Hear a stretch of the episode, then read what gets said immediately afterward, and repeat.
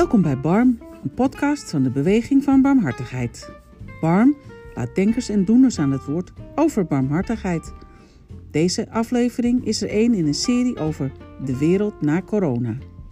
Die wereld zal vanwege de klimaatproblemen drastisch moeten veranderen. Maar hoe doe je dat? Wij vinden dat barmhartigheid daarbij een rol moet spelen. Daarover praat Kees Brinkhuizen met Matthijs Schouten, ecoloog en filosoof. Matthijs Schouten vindt dat het echte probleem dieper zit dan bijvoorbeeld de CO2-uitstoot. Hij vindt dat onze relatie met de natuur drastisch moet veranderen. Als dat niet gebeurt, zullen we volgens hem nooit een duurzame wereld bereiken. Maar ook Matthijs Schouten is optimistisch. Hij ziet al volop belangrijke veranderingen. Alleen van de politici heeft hij voorlopig niet zo'n hoge pet op.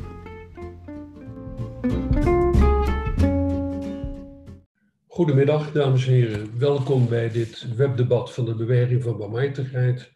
Het is de derde alweer in een serie van zes over de wereld na corona.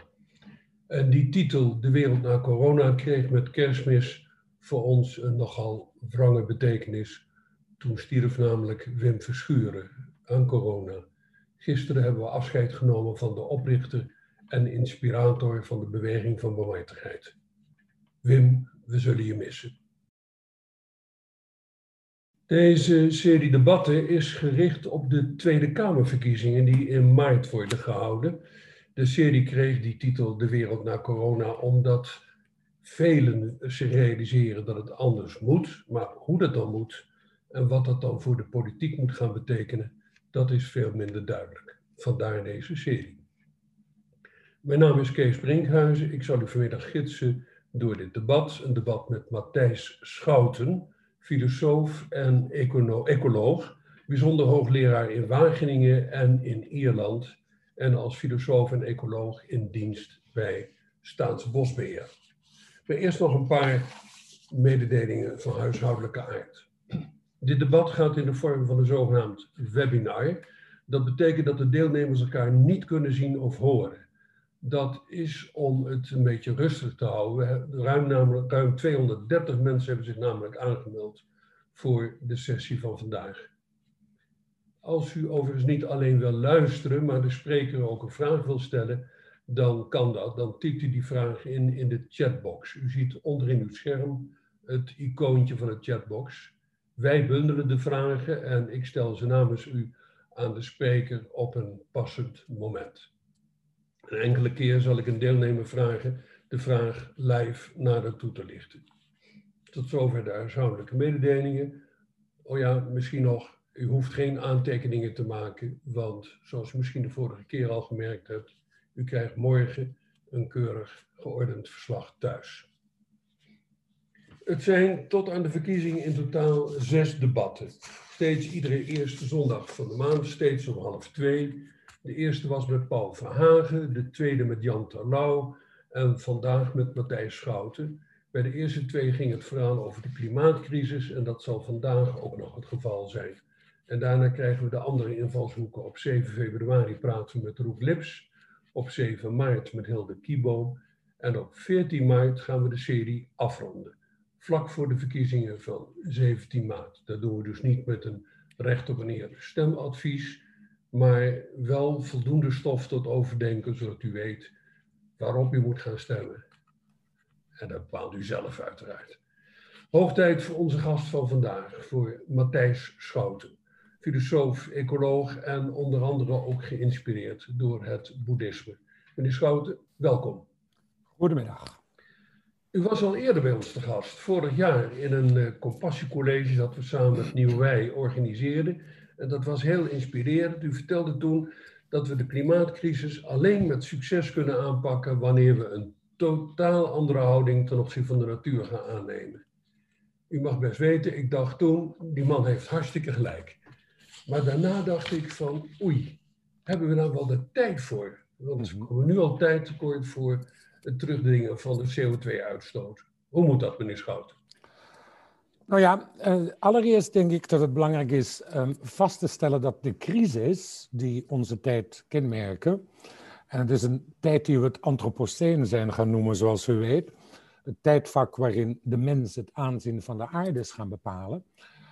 En dat tijdvak, Anthropoceen, klinkt heel geruststellend. Wij bepalen het aanzien van de aarde, alsof we alles onder controle hebben. Tegendeel is waar. Het Anthropoceen kenmerkt zich door crisis na crisis na crisis. Hè? We hebben een biodiversiteitscrisis, achteruitgang van biodiversiteit. We hebben een milieucrisis. We hebben een klimaatcrisis, nu ook nog een economische crisis. Dus de tijd van kenmerkt zich door zeer veel crisis. En um, uiteindelijk is het vooruitzicht ook nogal, nogal onzeker en bedreigend.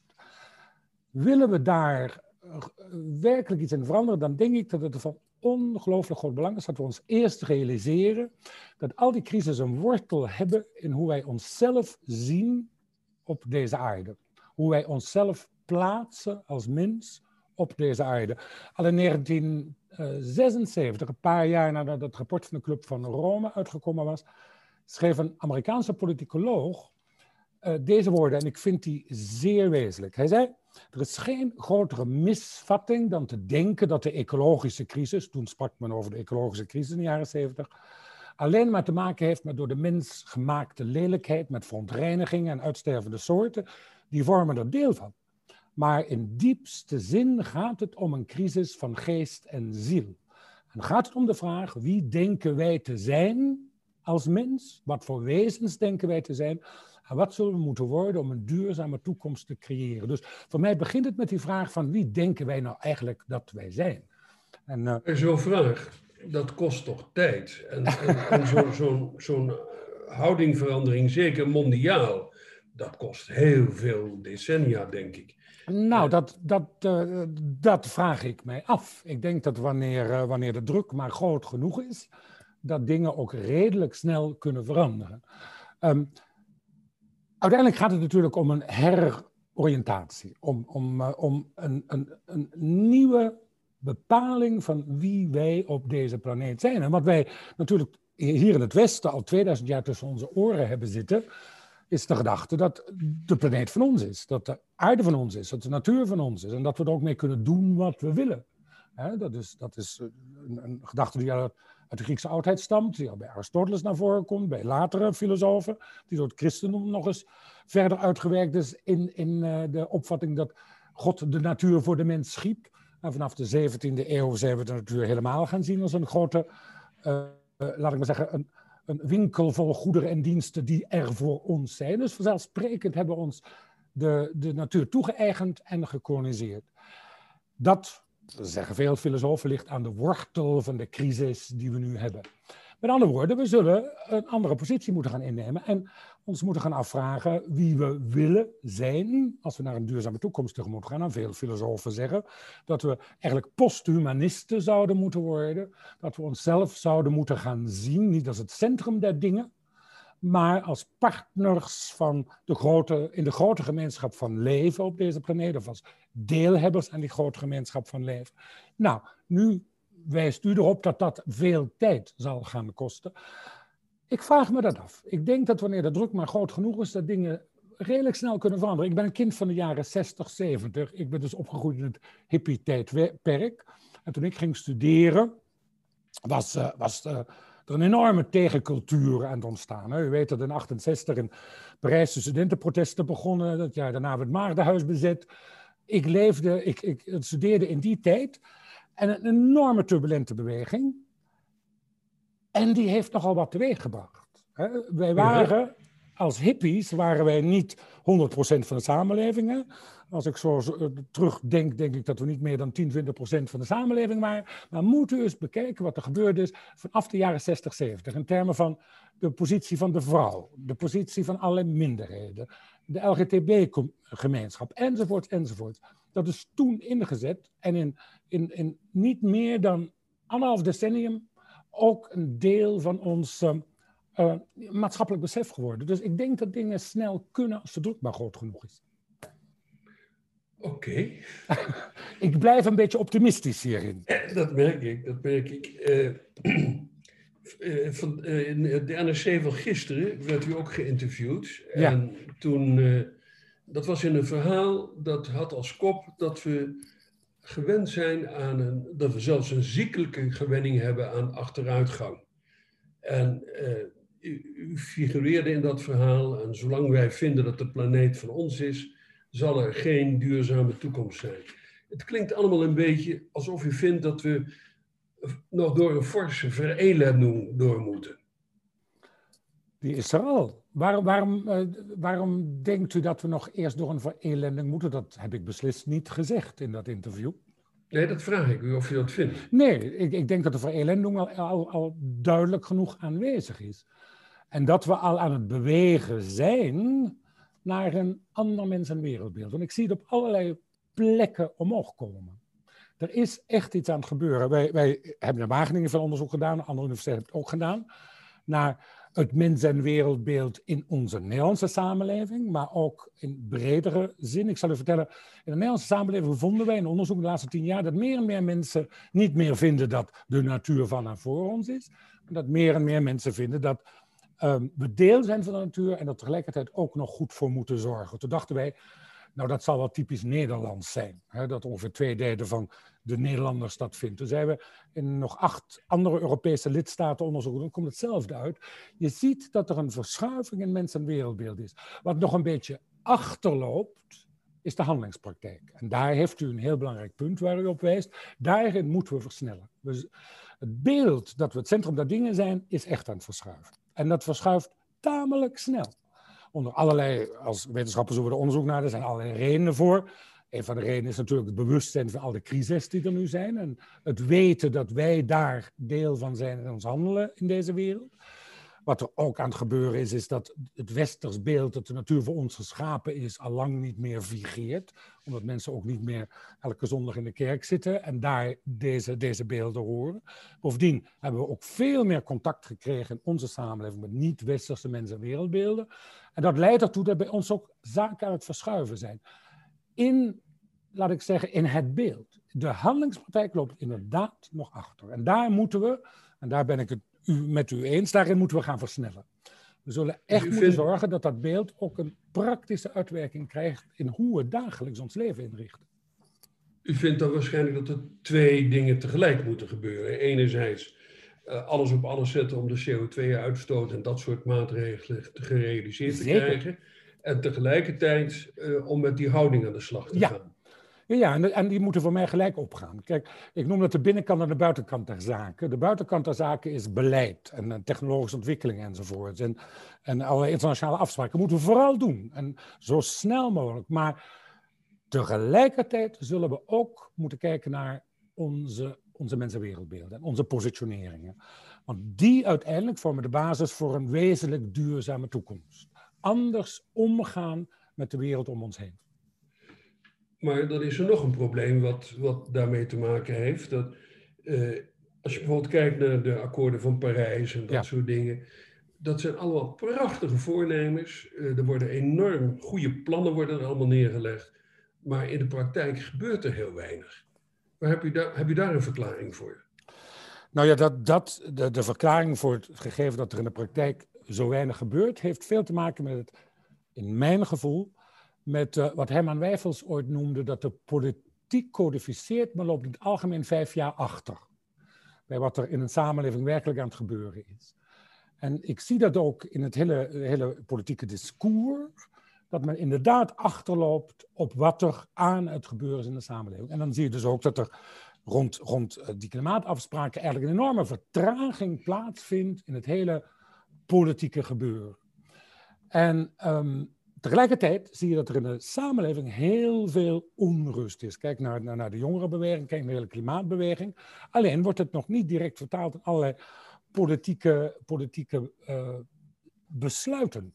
Daarom uh, vind ik het ook erg belangrijk dat u deze reeks houdt voor de verkiezingen. Laten we in, vooral dan ook in ons stemgedrag, want daar kunnen, kan elke burger een invloed uit laten, in ons stemgedrag die wens naar een duurzame toekomst en naar, naar een beter omgaan met ons klimaat, laten we dat daar dan ook uiting geven. Zit de bottleneck voor u bij de politiek? Uh, niet alleen. Ik geloof, ik geloof dat, dat uh, je niet alleen bij de politiek kan leggen. Alhoewel de politiek een hele belangrijke rol speelt in dit alles. Uh, uiteindelijk is de, de, politiek ook weer een reflectie van allerlei maatschappelijke processen. Maar zoals ik zei, vaak vertraagd. Ehm, ik, ik vind het dus belangrijk dat we in het politieke systeem heel duidelijk aangeven dat er wat moet gebeuren als kiezers. Wat ik heel fascinerend vind, wou ik even, even eh, aan refereren. In de jaren 70 en begin jaren 80 was er geen enkele politieke partij in Nederland die niet een groene rand had, om het zo maar uit te drukken. Zelfs de meest rechtse partijen waren toch groen gekleurd tot op zekere hoogte. En dat had te maken met het gegeven dat er in de maatschappij zoveel discours was over um, de toekomst en over het achteruitgang van biodiversiteit en alle, het rapport van de Club van Rome enzovoort. Geen partij kon zich daar nog aan onttrekken. Dus uh, het ligt van deel bij de politiek, maar het ligt ook bij de burger die maar hard genoeg moet roepen. Dus ik vind het ook ontzettend belangrijk dat, dat uh, er allerlei burgerinitiatieven uh, zijn en ook steeds sterker naar voren komen die vragen om veranderingen. De politiek moet dan volgen. Weer terug naar uw punt over de, de houding ten opzichte van de natuur. Wat moeten we dan doen? Ik bedoel, bij, bij CO2-uitstoot en zo, dan is het duidelijk wat er moet gebeuren. Maar bij, bij die houding, die, die andere houding die u wilt, wat moeten we daar concreet voor doen? Nou, ik, ik pleit voor een houding waarin we natuur niet zien als een verzameling van objecten voor menselijk gebruik, want dat is de heersende westerse opvatting geweest heel lang. Maar een houding waarin we natuur gaan zien als een verzameling van mede-aanwezigheden die ook recht hebben om er te zijn. Je zou kunnen zeggen mede-subjecten. De Franse filosoof Bruno Latour pleit ervoor dat we het democratisch bestel zo uitbreiden dat niet-menselijke uh, aanwezigheden daar ook een stem in hebben. Met andere woorden, dat we een stem geven aan de natuur. En dat zou voor mij betekenen dat je in alle beslissingen die je neemt, over, laten we zeggen, ruimtelijke ordening, over landbouw, over, over het aanleg van wegen, over wat je dan ook doet, de natuur mee laat praten. Dan kan de natuur zelf niet praten. Uh, Waarom glimlacht u hier nou bij? Omdat ik dit een fascinerend beeld vind. Ik word daar heel, heel blij van. Ik stel me zo voor dat je een raad van commissarissen hebt die uh, over een bedrijf gaan, maar daar zit één stoel waar niemand op zit, maar dat is de stoel van de natuur. Die is permanent aanwezig en is dus als mede-democratische stem in het proces aanwezig. Natuurlijk gebeurt dat tot op zekere hoogte, doordat we in allerlei beslissingen natuurbeschermingswetgeving hebben en, en ook alle ecologen mee laten praten. Maar dat zou veel verder moeten gaan. Je zou dus bij alles wat je plant als mens, voor de mens, je moet afvragen, oké, en de natuur als als, ik zou bijna wel stemgerechtigde, wat heeft die hier te zeggen? Wat betekent dit voor de vogels in deze omgeving? Wat betekent het voor de, de, de plantengroei in deze omgeving? En in die zin ga je dus voortdurend een discours aan waarin de natuur mede aanwezig is. En dan is de natuur werkelijk een partner in het geheel. Maar die ruimte gunt de economie toch niet? Wat zegt u? Die ruimte gunt de economie toch niet? De huidige economie niet, maar die huidige economie zal, is volgens mij ook niet, niet houdbaar. De huidige economie is gebaseerd op uh, het idee van continue groei. En die groei die kan alleen maar plaatsvinden dat je voortdurend natuurlijke hulpbronnen blijft gebruiken waar je nauwelijks voor betaalt. En bovendien ook niet betaalt voor de verontreinigingen. En de, de schade die aangedaan wordt aan het ecosysteem door, door het economisch proces. Dat is op den duur absoluut niet houdbaar. We zullen sowieso naar een andere economie toe moeten, ecologische economie. Die, um, die uiteindelijk zijn, dat, dat weet u, de, de, de, de, wortels van het woord economie en ecologie hetzelfde. Oikos, het gaat om het huis en onze huishouding. En we zullen de economie absoluut in samenklank moeten brengen met ecologische randvoorwaarden. en dat zal, de, de wal gaat daar het schip keren. We kunnen zo niet eindeloos doorgaan. Dat zeggen de milieubewegingen ook. Dat zeggen de milieubewegingen ook en dat zeggen steeds meer economen ook. Dit is iets wat, uh, wat denk ik, steeds duidelijker zichtbaar wordt. Ik, uh, ik spreek veel met economen en ik spreek ook veel met, met, met het bedrijfsleven. ook daar wordt dat duidelijker en duidelijker dat dit eindeloze groeimodel, dat dat niet houdbaar zal zijn. Probeert u eens te schetsen wat, als we die lijn volgen, wat we in ons uh, eigen leven ervan zullen merken? Um, U bedoelt in ons dagelijks leven, wanneer we een andere economie zouden hebben? Bedoelt u dat? Ja, en wat we zelf moeten doen en laten. Nou ja, uh, waar wilt u beginnen? Met het economisch verhaal of met wat we zelf moeten doen en laten? Het verhaal dat u, waar u wilt beginnen. Nou, laat ik, laat ik uh, dan beginnen met, met, met de, de, het verhaal van de economie en ecologie. Een continue groei-economie waarin het altijd maar meer moet worden, elk jaar meer. Vooral in materiële zin. Ik denk dat we daar eens bij, bij uh, moeten gaan, gaan stilstaan. Groei kan je uitdrukken in materiële groei. Hè? En zo drukken wij groei ook steeds uit. Aan het eind van het jaar wordt altijd weer vastgesteld hoe, hoe sterk de samenleving gegroeid is in het, in het bruto nationaal product. Dat gaat altijd over, over materiële modellen. Je kan de groei ook gaan beschouwen in termen van de groei in welzijn.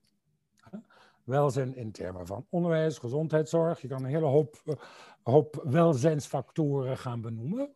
Uh, een van de welzijnsfactoren is ook een schone omgeving, een mooie omgeving. Een, een, land met voldoende natuur waar je kunt recreëren enzovoort. Allemaal welzijnsfactoren. We zullen dus moeten leren, denk ik. Um, ik heb niks tegen groei, laat ik dat vooropstellen. Maar dan niet alleen groei, of niet zozeer groei in materiële zin, maar groei in welzijnszin. En we zullen ons dus moeten afvragen: wat heb ik nou echt nodig om me wel te voelen? Om gelukkig te zijn. En ik vind dat allemaal heel belangrijk discours om mee te beginnen. En dan zou wel eens kunnen blijken dat je heel gelukkig kunt zijn door, uh, door in je eigen omgeving uh, de natuur te gaan verkennen, in plaats van in een vliegtuig te stappen naar uh, Costa Rica om daar de natuur te gaan verkennen. Dus ik denk dat we ons moeten gaan afvragen wat nodig is, meer moeten gaan afvragen wat wezenlijk nodig is voor welzijn, afgezien van materiële dingen. En ten tweede, je kan, als we het hebben over wat je nou als individu kunt doen, in termen van, van laat ik zeggen, ruimte geven aan natuur en andere vormen van, van leven. Nou, dat begint dan met je achtertuin. Je kunt je achtertuin zo inrichten dat er uh, voldoende bloemen zijn waar insecten een thuis kunnen vinden. Haal tien stoeptegels weg en je hebt de aarde alweer veranderd, zeg ik maar. Je kunt heel veel dingen doen, ook in je dagelijks leven. Je, de, de beperktheid van je dagelijks leven, waarmee je bijdraagt aan ruimte voor natuur, ruimte voor biodiversiteit. Koopgedrag, dat is ook een hele belangrijke. Wat koop je, wat koop je niet? Dus er zijn talloze zaken waar je als burger, denk ik, een rol kunt spelen. En dan, tenslotte nog, hè, hoe stem je? Nu we toch in deze reeks zitten naar de verkiezingen toe. Nou, hoe zou u stemmen? Ik zou stemmen op een partij die uh, duurzaamheid toch wel erg hoog in het vaandel heeft staan. En dat is? Nou, dat is onder andere uh, GroenLinks heeft dat. Partij voor de Dieren heeft GroenLinks, uh, heeft duurzaamheid natuurlijk erg hoog in het vaandel staan. Dus ik stem een beetje aan de linkserige kant, zou je kunnen zeggen. Oké. Okay. u noemde net de hele serie crisis op die we ja. op dit moment doormaken. De een zegt van het is eigenlijk een economische crisis een, een crisis in het economisch systeem. De ander die zegt nee, het is een milieucrisis. Weer een ander zegt het is een klimaatcrisis. Maar bij u lees ik dat het uiteindelijk om een spirituele crisis gaat. Hoe komt u daarbij? Komt dat voort uit uw sympathie voor het boeddhisme? Nee, dat, dat, dat, is, uh, dat is een zijstraat, zou ik bijna willen zeggen. Kijk, met spiritualiteit, of spiritueel bedoel ik um, uh, te wijzen op uh, waar ik eerder over sprak, de mens- en wereldbeelden. Uiteindelijk heeft, zoals, zoals Lyndon Caldwell, Caldwell noemde een, een crisis in geest en ziel. Hè? En dat noem ik dan een spirituele crisis. En dat heeft te maken met de vraag, wie ben ik? Wie denk ik te zijn? Wie wil ik zijn? Hè? In relatie tot een wereld. En dat, daar kan je religieuze dimensies aan verbinden, want voor, voor bepaalde stromingen is, uh, voor bijvoorbeeld Jodendom en Islam, is, uh, is het rentmeesterschap een heel belangrijk gegeven het religieuze denken. Zorgen voor een schepping. Nou, dat vind ik een spirituele instelling. Maar als je jezelf ziet als partner hè, eh, van al het leven, met alle verantwoordelijkheden, wederkeerigheden, dat is voor mij ook een spirituele instelling. Dit is voor mij te maken met de vraag van hoe verhoud je je tot de wereld. En hoe wil je verhouden tot de wereld? En daar ligt voor mij een morele dimensie in en daarmee ook een spirituele dimensie in. Dat, dat partner zijn, dat is wat u betreft nog een stapje verder dan rentmeester zijn. Ja, zeker. Kijk, het, het rentmeester, er zijn twee vormen van rentmeesterschap, zeggen we in de milieufilosofie. Het religieuze rentmeesterschap, dat je in het jodendom en in, in de islam vindt. Dat de mens de schepping dient te beheren voor de schepper. Dat is overigens iets anders dan het rentmeesterschap zoals dat in Nederland in bepaalde politieke partijen naar voren is gekomen. Want het, dat beeld van het religieuze rentmeesterschap in met name het Nederlandse Calvinisme is het beeld geworden van de rentmeester die ehm, het eigendom van de schepper in waarde vermeerdert. Door te ontginnen en te cultiveren en weer, beter te maken. Daar zit dus ook een sterke ontginningsdrift in. Dat is niet het rentmeesterschap van het Jodendom en Islam. Um, maar daarmee, dat is het spirituele, of sorry, het religieuze rentmeesterschap, maar dat is een wereldlijk rentmeesterschap. Dat vanaf de jaren 70, 80, 90 sterk naar voren komt. Is het idee dat we, uh, dat zit in de duurzaamheidsgedachte van Brundtland ook, dat we de aarde uh, zo moeten beheren dat toekomstige generaties er ook nog goed kunnen leven. Hè. Is een meer seculier rentmeesterschap, zou ik willen zeggen. Maar het is anders dan partnerschap. En in beide gevallen uh, gaat het dus of om de schepper of om toekomstige generaties, maar niet om die natuur zelf. Als je zegt, ik, ben een par, ik voel mij partner van al wat leeft, dat is een andere positionering. Dan, dan stel je jezelf niet boven die natuur, maar als het ware op een, op een gelijkwaardig niveau met de rest van, van de aanwezigheden op deze planeet. Partner van, uh, van al wat leeft, zegt u? Partner van al wat leeft, ja. Er komen wat chatopmerkingen binnen die zeggen van ja, lekker. De groei van de wereldbevolking is alles overheersend. Ja, maar de groei van de wereldbevolking is niet. De, kijk, uh, dit wordt altijd naar voren gehaald. Hè? De groei van de wereldbevolking leidt tot al die onduurzame scenario's. Het gaat niet alleen om die groei van de wereldbevolking. Waar het om gaat is wat een deel van de wereldbevolking aan eisen stelt aan materiële groei. Daar liggen de grootste problemen rond de duurzaamheid. Niet zozeer in de groei van de wereldbevolking. We zouden met die hele wereldbevolking die we nu hebben, en op een bepaald moment zal die groei ook af gaan nemen, zeggen alle, alle, alle toekomstscenario's, met die hele, hele wereldbevolking kunnen we veel duurzamer leven als een deel van de wereldbevolking niet zo verschrikkelijk hoge eisen stelt aan materiële welvaart. En groei. Ik vind... Je bent eigenlijk een bestrijder van de hebzucht. Ik ben absoluut een bestrijder van de hebzucht. Dat ja, is misschien ook wel uw hoofdverhaal. Nou, mijn, ja, mijn hoofd. Nou, als je zo, ik, ik, wil, ik wil niet graag als een bestrijder van de hebzucht, dat klinkt erg moralistisch. Maar hier komen we wel bij het boeddhisme. Het boeddhisme stelt dat uh, een van de wortels van, van onvrede en frictie en pijn en lijden is hebzucht. Grenzeloze hebzucht en grenzeloze zelfzucht die altijd maar meer wil en altijd maar meer moet, ten koste van wat om ons heen is. En in die zin denk ik dat, uh, dat we heel goed moeten kijken naar wat we denken nodig te hebben. Hoe pak je dat in vredesnaam aan? nou, door allereerst stil te staan bij de vraag: heb ik het nou echt wel nodig? Toch? Ja. In plaats van het onmiddellijk allemaal weer te, te kopen of te willen hebben. Ik geef onmiddellijk toe dat dat niet makkelijk zal zijn, want we leven. Ik hoef maar één avond televisie te kijken, waar ik om de tien minuten onderbroken word door tenminste weer vijf minuten reclame, waarin mij verteld wordt wat ik allemaal nodig heb om gelukkig te zijn. Dat is deel van dat hele systeem van altijd maar verder consumeren. Ik denk dat wij een discours zouden moeten, uh, moeten ontwikkelen als samenleving over consumeren. En wat consumeren betekent. Met onze, ons consumeren en ik heb het dan voornamelijk over het westers consumeren, ehm, houden we ongelijkheid in deze wereld in stand? Houden we, uh, zorgen we ervoor dat er de ene ecologische crisis naar de andere ontstaat? Omdat we steeds meer ontginnen en, gaan, en gebruiken op deze aarde. Dus ik denk dat we echt moeten stilstaan bij ons consumeren. En dan weer de vraag, ja, wat hadden we nou echt nodig om ons wel te voelen? Dat betekent dat u vindt dat wij, met name in het Rijke Westen, eigenlijk van een deel van onze welvaart moeten willen afzien? Mm, ik zeg dat we onze welvaart anders moeten definiëren. Ik denk niet dat we van onze welvaart af moeten gaan zien in de brede zin van welzijn. Maar ik denk wel dat we grenzen moeten stellen aan onze materiële groei. Ja. En zolang we materiële groei definiëren al, alleen maar materiële groei definiëren als welvaart, ja, dan moeten we afzien van een deel van onze welvaart. Maar daar, dat wil niet zeggen dat ons welzijn af hoeft te nemen. Denkt u dat we dat vrijwillig zullen gaan doen? Ik zie steeds meer mensen die het vrijwillig doen. Ik merk in, bij heel veel jonge mensen, en ik ben heel veel contact met jonge mensen, want ik werk aan verschillende universiteiten, dat het hele idee over, over welvaart en materiële zin al lang niet meer zo sterk aanwezig is als dat 10, 20 jaar geleden aanwezig was. Ik zie heel veel jonge mensen die hun, hun, hun toekomst aan het, aan, het, aan het vormgeven zijn vanuit een diep bewogen zijn, een diep, diep zich, ik zou willen zeggen, verbonden voelen met een grotere samenleving op deze planeet. En van daaruit willen werken en zich niet afvragen hoeveel dat op gaat leveren of wat ze daarmee gaan verdienen.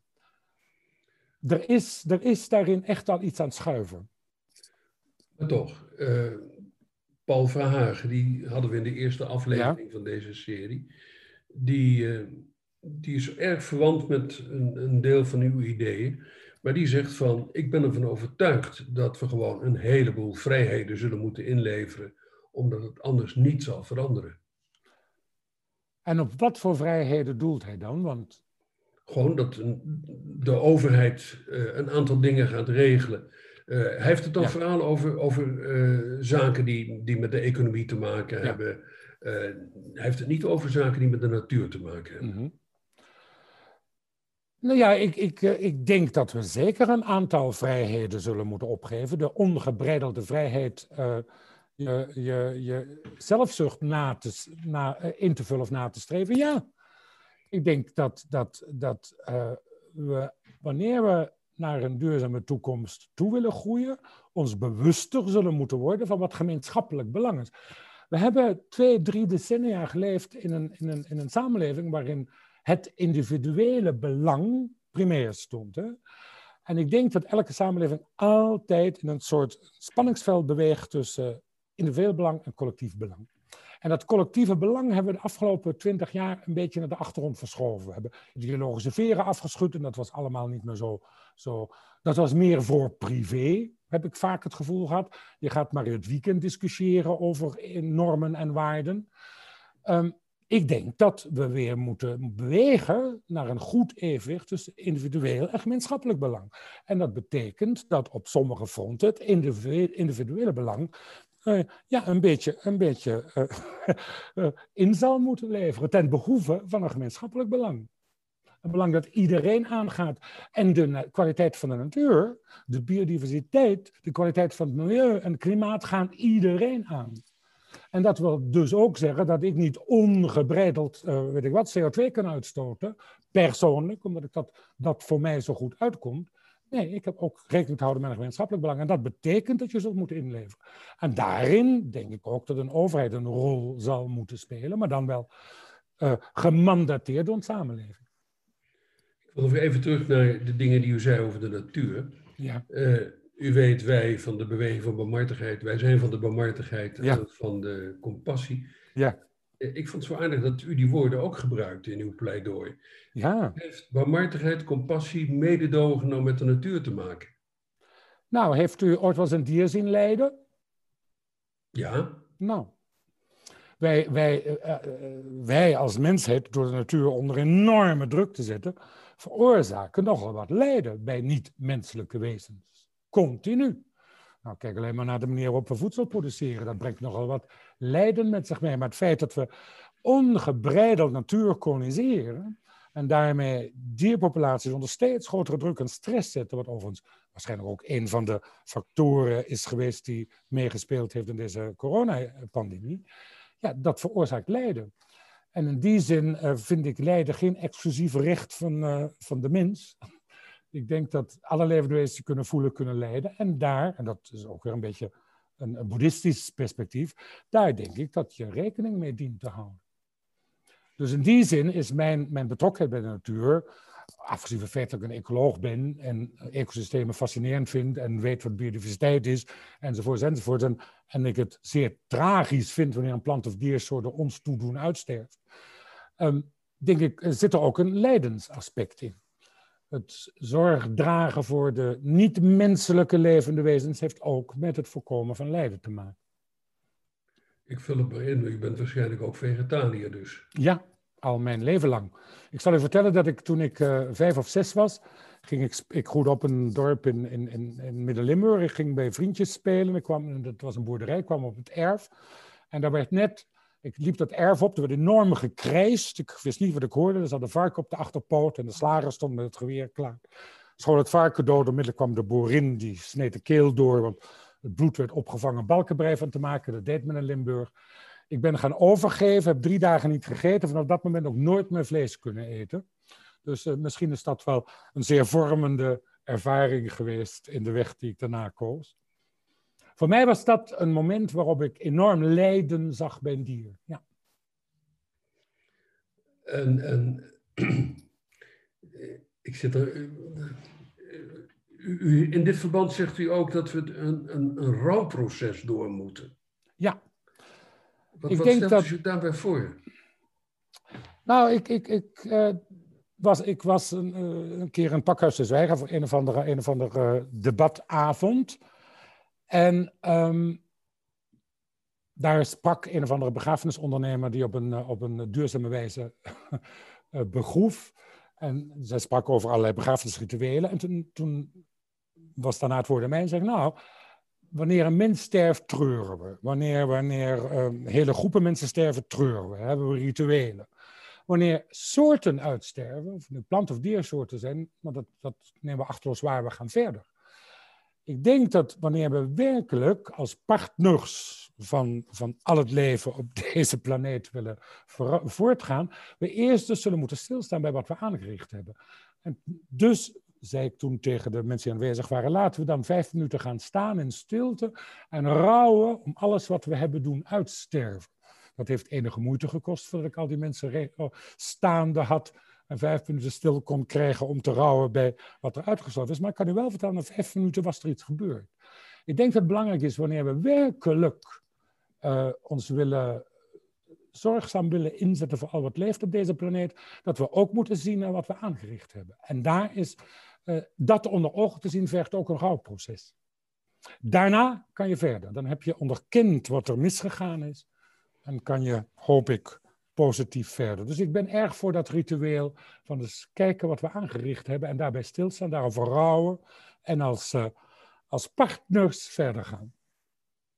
Hoe krijg je dit nou aan het verstand van politici uh, u vertelde een heleboel dingen eerst uh, goed bezinnen en, en dergelijke voordat we aan de slag gaan of tegelijkertijd.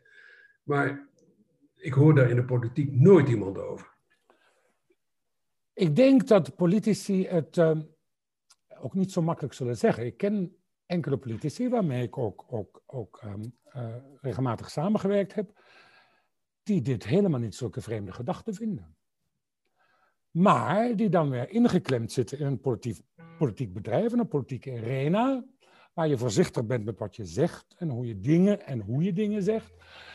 Um, dus misschien, misschien moeten we politici, politici uitdagen. Dat stond trouwens, dacht ik ook in dat stukje dat in het NRC stond. Moeten we politici uitdagen toch eens te vertellen wat ze voelen op de zondag. Als ze dan in die natuur lopen. Hm? En, niet wat, uh, over, en niet onmiddellijk vragen iets over natuur te zeggen in de politieke arena op maandag. Maar eerst maar eens te beginnen met hoe het was toen ze over de hei liepen. En hoe ze daardoor geraakt waren of niet door geraakt waren. Misschien moeten we, moeten, we, moeten we ook dat politieke bedrijf wat poëtischer durven te maken. Dat sluit een beetje aan. Ik heb uh, kort geleden zag ik een uh, podcast van de zangeres Nienke Laverman. Ja, ja. Die, uh, die sprak met u. Ja. En dat ging vooral over haar herontdekking van de, ja. van de natuur. Het was een hele boeiende podcast. Ik zal zorgen ja. dat er in het verslag een linkje voor de mensen staat. U, u, u, dicht echt de, de kunstenaars een speciale rol toe. Wat kunnen nou de zachte krachten van de kunst, wat nou de harde krachten van zeg maar, de economie niet kunnen? Nou, de, de, ik, ik, vind de kunst belangrijk omdat we hier komen bij wijzen van waarop we de wereld duiden. Er is, in, de, in de comparatieve filosofie wordt vaak gesproken over paradigmata van duiden van de werkelijkheid. En er is één paradigma dat wij heel veel gebruiken.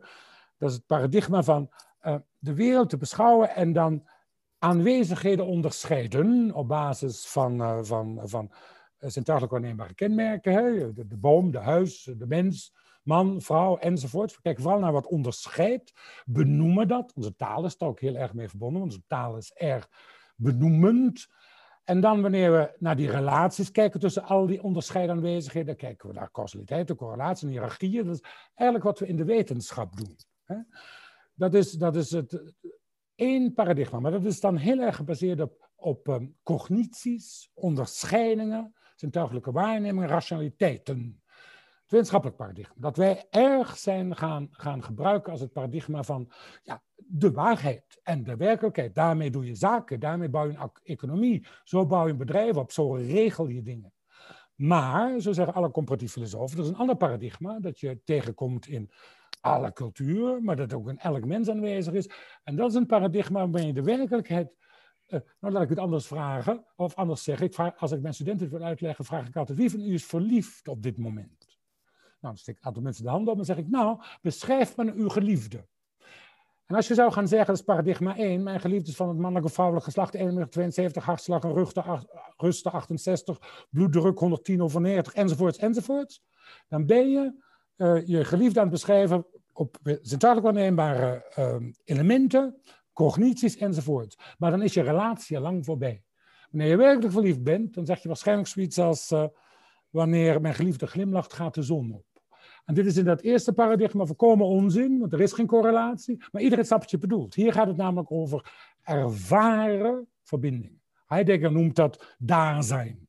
Het betekenisvol in de wereld zijn, in betekenisvolle verbindingen. Dat is een andere manier van de wereld duiden, waarnemen. En dat is nu precies het paradigma van de kunstenaar. De kunstenaar is diegene die voortdurend vanuit de ervaren verbindingen en relaties duidt. En ik denk, dan kom ik terug bij het begin van het hele verhaal, zolang wij onszelf onderscheiden van de natuur en ons anders zien en altijd maar weer zien wat we, waarin de natuur anders is dan wij, ja, dan komen we niet zoveel verder naar een duurzame toekomst. Wanneer we de verbindingen ervaren, wanneer we leren zien dat we er deel zijn van, of dat we partners zijn van, en veel meer zien wat overeenkomt dan dat wat scheidt, en de betekenisvolle verbindingen ervaren, en daar kan de kunstenaar op wijzen, daar denk ik, kom je makkelijker bij een andere positionering als mens in de wereld en ook een andere handelingspraktijk. Dus de kunstenaar voor mij wijst steeds op verbindingen, wederkerigheden, relaties. En niet zozeer op onderscheidingen en, en hiërarchieën. Hoe deed Nienke Laverman dat? Wat zegt u? Hoe deed Nienke Laverman Door dat? Door te zingen. Door te zingen en alleen al de klank van de stem is verbindend, maar door, door, door haar, haar lyriek. Hè? Ze laat bomen aan het woord, bijvoorbeeld. Nou, dat is, uh, nou daar, daar, daar, daar heeft u uh, Martin Buber, hè, de grote, de grote Hasidische filosoof, uh, die op een bepaald moment zegt, ik bekijk een boom en ik kan hem zo zien en zo zien en indelen en benoemen. Maar, zegt hij dan, het kan ook gebeuren uit wil en genade, dat ik met die boom in een relatie opgenomen word en dan is hij geen het meer. Nou, zo liet Nienke allerlei niet-menselijke aanwezigheden aan het woord als gij en niet als een het. Dat zei jaren geleden prinses Irene ook al. Dat deed prinses Irene ook en daar is ze erg belachelijk voor gemaakt, heel lang. Ja. Totdat nu, dus heel vast, daar zie ik dus ook dat dingen veranderen. Prinses Irene heeft de Maarten Boeberprijs gekregen. Prinses Irene staat nu op allerlei podia omdat er iets veranderd is. Dat is precies wat zij zei. Zij zei ook, de wereld om ons heen is geen wereld van objecten, maar een wereld van subjecten. Die ook recht hebben, een stem hebben en die er mogen zijn. Niet alleen voor ons gebruik. Ik wil even met u naar een paar vragen stellen. Ja. Uh, maar ik weet niet of het. Ik zag wat dingen in het beeld gebeuren. Ik weet niet of er een technische storing is, maar we proberen het maar. Uh, de, de, er zijn een paar vragen die gaan over de politici, over de mensen die leiding moeten geven aan dit soort veranderingen. Ria Roest heeft een vraag over de nieuwe leiders die dan nodig zijn. Ja. Uh, kun je die misschien toelichten? Hallo. Hallo. U schrijft in uw boek De Wisdom Factor. Ja. Schrijft u over een nieuw soort leiderschap. Ja. Dat beschikbaar is voor iedereen, ongeacht waar je werkt en welke functie je bekleedt. Dit leiderschap is nodig om een duurzame wereld te creëren. Maar hoe ziet dat leiderschap er dan uit? Het is, uh, uh, het is leiderschap dat niet vanuit, um, uh, laat ik zeggen, de top-down benadering werkt. Leiderschap, ja, er zijn allerlei, allerlei begrippen voor. Natuurlijk leiderschap heet het bijvoorbeeld. Dus het leiderschap, de, daarin is de leider niet degene die voorop loopt met de rest erachteraan. Daar is de leider die, degene die vanuit wat aan het gebeuren is, in, in samenklank met iedereen die erin betrokken is, uh, dingen naar boven haalt die wezenlijk zijn. Dus de leider die, die, de, de, de, die stimuleert, die inspireert, die enthousiasmeert en die, um, ik zou willen zeggen, vanuit, vanuit um, de natuurlijkheid der dingen de weg, de weg opent. Dit is, dit is een leiderschap in verbinding. We hadden het net over, over die twee paradigmata. Dus het is niet het leiderschap van degene die boven de meute staat en die de zaak gaat regelen, zoals er nogal wat leiders zijn en zijn geweest. Maar het is de leider die tussen de mensen staat en samen met de mensen vanuit wederkerigheid en verbinding wegen verkent en zoekt. Overigens kunnen vrouwen dat in het algemeen veel beter dan mannen. Is mij opgevallen, kijkend naar de leiders die ik in mijn leven ontmoet heb. Dank u wel. Is, was dat voldoende als antwoord? Ja, zeker, dat is zeker voldoende. Er is nog een vraag die in hetzelfde, dezelfde sfeer zit van Marloes Vermeer. Die, die vraagt zich af wat er dan bij de huidige politici zou moeten veranderen. Marloes. Jazeker. Uh, ik ben benieuwd naar hoe we die uh, wisdom factor kunnen vergroten uh, van leiders die ook de impact hebben om, op grotere ja. schaal um, die relatie mens-natuur verder te ja. Ja, ik en zou... op, ik, op het handelingsperspectief ook. Ja. Nou ja, de, de, als, als ik nu eens een autocratische leider zou mogen zijn, hè, dan zou ik voorschrijven dat elke politicus, wanneer dit ambt aanvaardt, de, de taak op zich neemt elke dag een half uur in stilte te reflecteren. Het fascinerende is dat als je kijkt naar, naar de geschiedenis der mensheid en naar allerlei culturele systemen, of dat nou ging over, over het klassieke Griekenland, maar dat geldt ook voor heel veel niet-westerse culturen, daarin werden leiders geacht ook contemplatief te zijn. Er werd ingebouwd dat je voortdurend weer even afstand nam, even weer overschouwde, en van daaruit dan in wijsheid beslissingen nam. Nou, dat hebben we helemaal afgeschaft.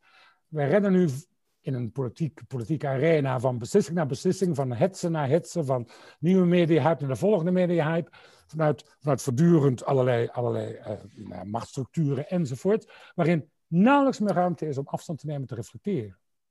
Er zijn wel politici die, die, die daar absolute aanleg voor hebben. Ik, ik ben altijd zeer onder de indruk geweest van Corolla Schouten, waarmee ik uh, zaken heb moeten doen. Dat was een leider, toen ik me, uh, is een leider, toen ik met haar sprak bij, bij bepaalde zaken, dan luistert ze eerst een half uur lang, zonder enig commentaar. Stelt dan een aantal vragen die de zaken verhelderen en komt dan met een antwoord. Toen dacht ik, ja, zo zou het dus eigenlijk moeten zijn. Dus voor mij zou, zou het een heel belangrijk, belangrijk uitgangspunt zijn dat elk Kamerdebat begint met eerst een kwartier stilte. Laten we allemaal even rustig worden, voor daaruit beginnen bijvoorbeeld. Ja. Dus een, een ander soort. Een, ja, kijk, wijsheid, want dat boek dat heette dan de Wisdom Factor, wijsheid. En dat, er is geen enkele cultuur in de wereld geweest die dat niet onderkend heeft. Wijsheid wordt altijd geboren uit um, even stil kunnen zijn en contempleren en van daaruit weer verder gaan. Zonder die momenten van stilstaan en beschouwen wordt wijsheid nooit ontwikkeld. En of je nou Jezus was, of Boeddha, of Mohammed, of wie dan ook, overal is dit ingebouwd. De momenten van contact. Dat zat ook in ons, in ons religieus systeem. We hadden niet voor niks missen en, en, en, en, en, en diensten enzovoort. Had daar allemaal mee te maken. Dat hebben we totaal overboord gegooid. En we zijn maar doorgaan koopmannetje spelen. Dag na dag na dag. En daarmee hebben we wel iets verwijderd uit, uit, uit ons dagelijks leven, waardoor het, en daar kom ik weer bij Kees terug, waardoor het moeilijk zal zijn, inderdaad, je te heroriënteren op wie je bent. Daarvoor moet je af en toe ook stil zijn en uh, beschouwen. Ja, mooi, dank. Ja? Dankjewel. Uh, elke keer komt er een, een, een vraag binnen van charmante eenvoud.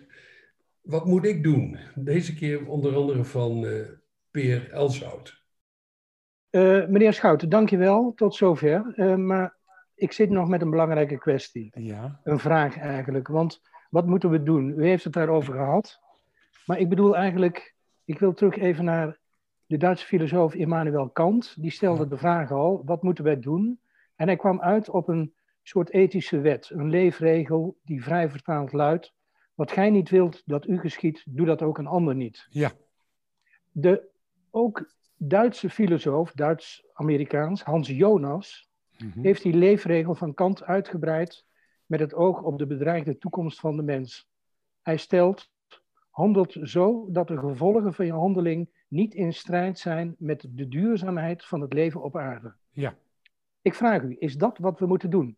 Onze handelingen Ja. in evenwicht laten zijn met de duurzame leefbaarheid van de aarde? En redden we het daarmee? Ik eh, denk dat het precies is wat we moeten doen. En dat betekent overigens wel dat je je afvraagt wat voor handelingen dan in overeenstemming zijn met de duurzaamheid van het leven op deze aarde. En dat betekent dus ook dat je je zult moeten verdiepen in wat, wat nodig is voor het andere leven op deze aarde. Wij weten heel goed wat voor een mens individueel en misschien ook de mensheid collectief nodig is. Ik denk dat het ook belangrijk is dat we leren kijken naar wat nodig is voor de niet-menselijke levende wezens op deze aarde. En dat is, zoals ik eerder zei, de natuur als partner mee laten doen in, in onze toekomstplanningen. Ja, ik denk dat, het, dat dat de essentie is. Handel zo dat je daarmee het welzijn van het leven nu en in de toekomst niet in gevaar brengt. Ja. En halen we het daarmee, vroeg die ook. En halen we het daarmee. Als we nu beginnen, ja. Als we vanaf dit moment bij alles wat we doen ons afvragen, nou, is dit wel zo goed voor, de duurze, voor het welzijn van het leven op deze aarde? Ja. En dan, als dat niet zo goed is, het dan ook niet doen, dan halen we het.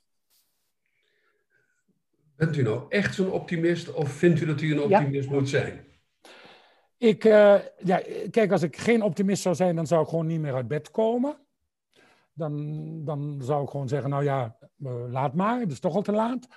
Ik geloof niet dat het te laat is. Ik, geloof, ik ben er wel van overtuigd dat we er nog niet zijn. En ik ben er ook van overtuigd dat tot het moment dat we er zijn nog wat geleden gaat worden. Zowel in de menselijke gemeenschap en de niet-menselijke gemeenschap. Want uh, er komt nog het een en ander op ons af. Maar ik geloof, of ik heb wel de diepe hoop en van deel ook het vertrouwen dat we als mensheid uh, nog stappen kunnen zetten die het leven minder uh, veel zullen kwetsen dan nu het geval zou zijn. Dus ja, en ik zie dat vooral wederom bij jongeren. Ik, ben, ik, ik zie bij de ik zie natuurlijk heel veel studenten. Bij studenten zie ik echt zaken verschuiven in snelle tijd. Vijftien jaar geleden voor elke student, maar wat kan ik straks verdienen als ik afgestudeerd ben? Nou, dat vraagt geen student mij nog. We gaan met dit uh, optimisme gaan we afronden. ik heb nog wel een vraag voor u vanuit de beweging van barmhartigheid. Ja. Uh, zeker omdat we dat, die term delen, het gebruik van die term. Ja. Uh, wat, wat zou de beweging van barmhartigheid moeten doen? Ik denk dat uh, bij het woord barmachtigheid denken wij onmiddellijk aan uh, de mens en onze medemens. Ik, het, zou mij, zou mij zeer dierbaar zijn als de beweging van barmachtigheid, barmachtigheid zou, zou verbreden naar een houding naar alle wezens die kunnen lijden.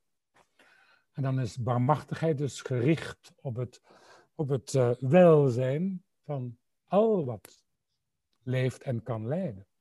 En dan ben je dus ook barmachtig naar niet-menselijke wezens. Dank voor dit advies. Dank u wel. Uh, dames en heren, het zit erop. De, er waren veel vragen. Ik hoop dat die van u ook aan bod gekomen zijn. Uh, maar morgen krijgt u in ieder geval allemaal een keurig geordend verslag. We vragen er wel iets voor terug. Laat ons even weten wat u van een webdebat als dit vindt. Meneer Schouten, u heel hartelijk bedankt. En morgen is er voor u een mooi boeket bloemen. Graag gedaan. Goedemiddag. Dames en heren, namens de Beweging van Barmhartigheid bedankt voor uw belangstelling en een fijne zondag verder. En natuurlijk tot de volgende aflevering die met Roek Lips op zondag 7 februari. Roek Lips is een organisatieadviseur en die is vooral bezig met de vraag wat voor leiders we in de samenleving nodig hebben in de wereld na corona. Tot dan.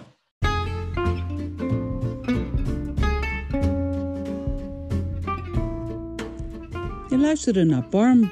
Meer informatie over de debatserie over de wereld na corona vind je op www.barmhartigheid.nl.